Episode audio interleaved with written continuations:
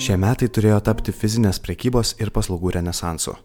Po keliarius metus trukusių pandemijos apribojimų vartotojai buvo pasirengę pakankamai plačiai atverti savo pinigines.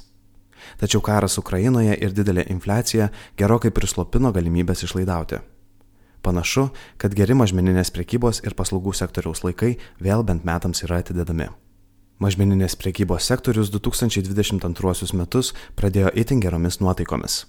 Remiantis Svetbank mokėjimų duomenimis, šalies gyventojai praėjusiu metu pabaigoje išleido rekordinę sumą pinigų įvairioms prekiams ir paslaugoms įsigyti.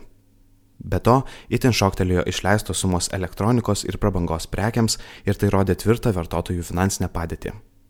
Svetbank duomenys rodo, kad mažmeninės prekybos šuolis nesibaigė praėjus žiemos šventėms. Ji demonstravo apie 20 procentų siekusi augimą ir pirmaisiais šių metų mėnesiais. Tačiau situacija pasikeitė po Rusijos karinės invazijos į Ukrainą vasario pabaigoje, kai mažmeninės priekybos augimas ėmė lėtėti. Lūžis įvyko šių metų birželį, kai realus mažmeninės priekybos augimas, remiantis Lietuvos statistikos departamento duomenimis, tapo neigiamas.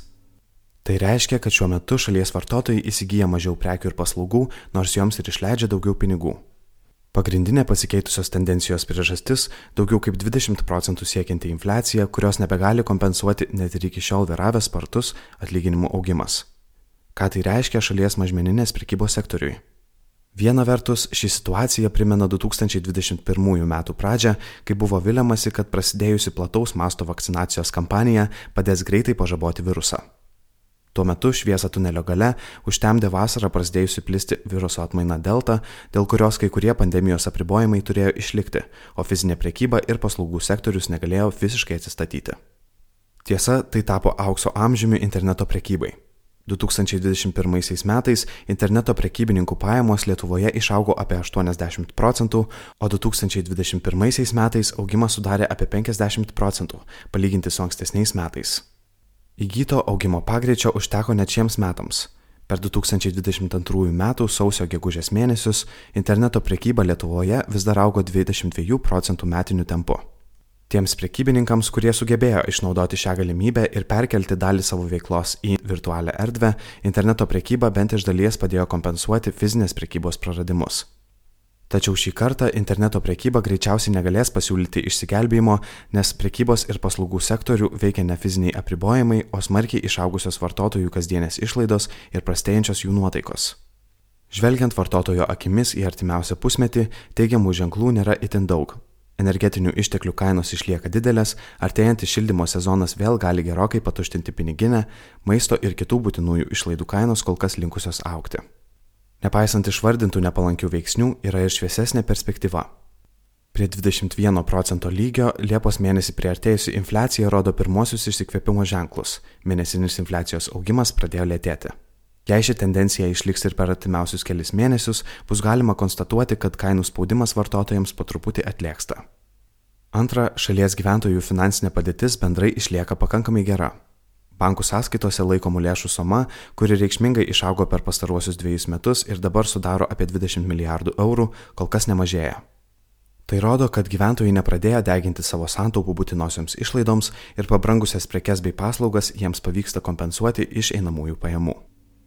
Trečias palankus veiksnys yra santykinai žemas nedarbo lygis, toliau didėjantis atlyginimai ir valstybės užtikrinamos išmokos pažeidžiamoms gyventojų grupėms. Pavyzdžiui, Tarptautinio valiutos fondo analizė rodo, kad nuo šių metų pradžios būtinųjų išlaidų krepšelis Lietuvoje pabrango apie 7-8 procentus ir atitiko ES šalių vidurkį. Tačiau įdomiau yra tai, kad šis pabrangimas tarp penktadalio mažiausias pajamas ir penktadalio didžiausias pajamas gaunančių gyventojų buvo labai panašus, kai daugelie kitų šalių pabrangimą labiau pajuto skurdžiau gyvenantieji. Tai prisideda prie geresnio visų Lietuvos vartotojų finansinio atsparumo. Ateinantį pusmetį Lietuvos vartotojai bus nusiteikę atsargiai, racionaliau vertins savo išlaidas ir susilaikys nuo nebūtinų pirkinių. Dalį pinigų greičiausiai stengsis atsidėti žiemos sezonui. Todėl praėjusiu metu pabaigoje ir šių metų pradžioje stebėta išlaidų banga artimiausią pusmetį nebesugrįž, o mažmeninės prekybos ir paslaugų atstovams dar vienus metus gali tekti pergyventi laukiant šviesesnio rytojaus. Jei infliacija atslūks, o energetinių išteklių ir maisto kainos stabilizuosis, artėjant didžiosioms metų šventėms vartotojų nuotaikos gali pasitaisyti, o mes vėl fiksuosime dar vieną ir internetinės, ir realios prekybos šuolį.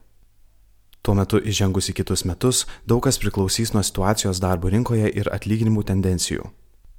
Jei nedarbo lygis smarkiai neišauks, kitą metą bus padidintas minimalus mėnesio atlyginimas, neapmokestinamas pajamų dydis, kas pastebimai padidintų nemažos dalies gyventojų pajamas, tai taptų teigiamų impulsų vartojimui. Pasitvirtinus šiam scenarijui, pagal savo vartojimo išlaidas atsižvelgus į perkamąją galę, turėtume aplenkti ES vidurkį. 2021 m. pabaigoje vartojimo išlaidos Lietuvoje sudarė 96 procentus ES vartojimo išlaidų vidurkio. Žvelgiant į ilgalaikės tendencijas, daugiau dėmesio mažmenininkams reikėtų kreipti ir į tvarumo temą. Jau šiandien matome, kad augantis vartotojų samoningumas skatina riboti vartojimo apetitą, permastyti savo pasirinkimus ir sprendimus atsižvelgiant į jų poveikį klimato kaitai. Dėmesys tvarumui ateityje tik didės ir ne vien iš vartotojų pusės. Štai ES institucijos aktyviai svarsto dėl pasienio anglės dioksido mokesčio mechanizmo. Jis numato taikyti mokestį daliai prekių pagamintų ir importuojamų iš trečiųjų šalių, kuriuose aplinkosauginiai standartai yra žemesni nei ES.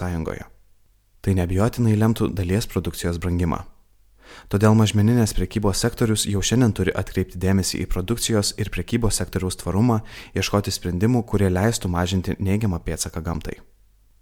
Finansų sektorius, įskaitant Svetbank, yra pasirengęs padėti savo klientams susifokusuoti į strateginę tvarumo kryptį, siūlydamas finansavimo sprendimus ir patikimą partnerystę.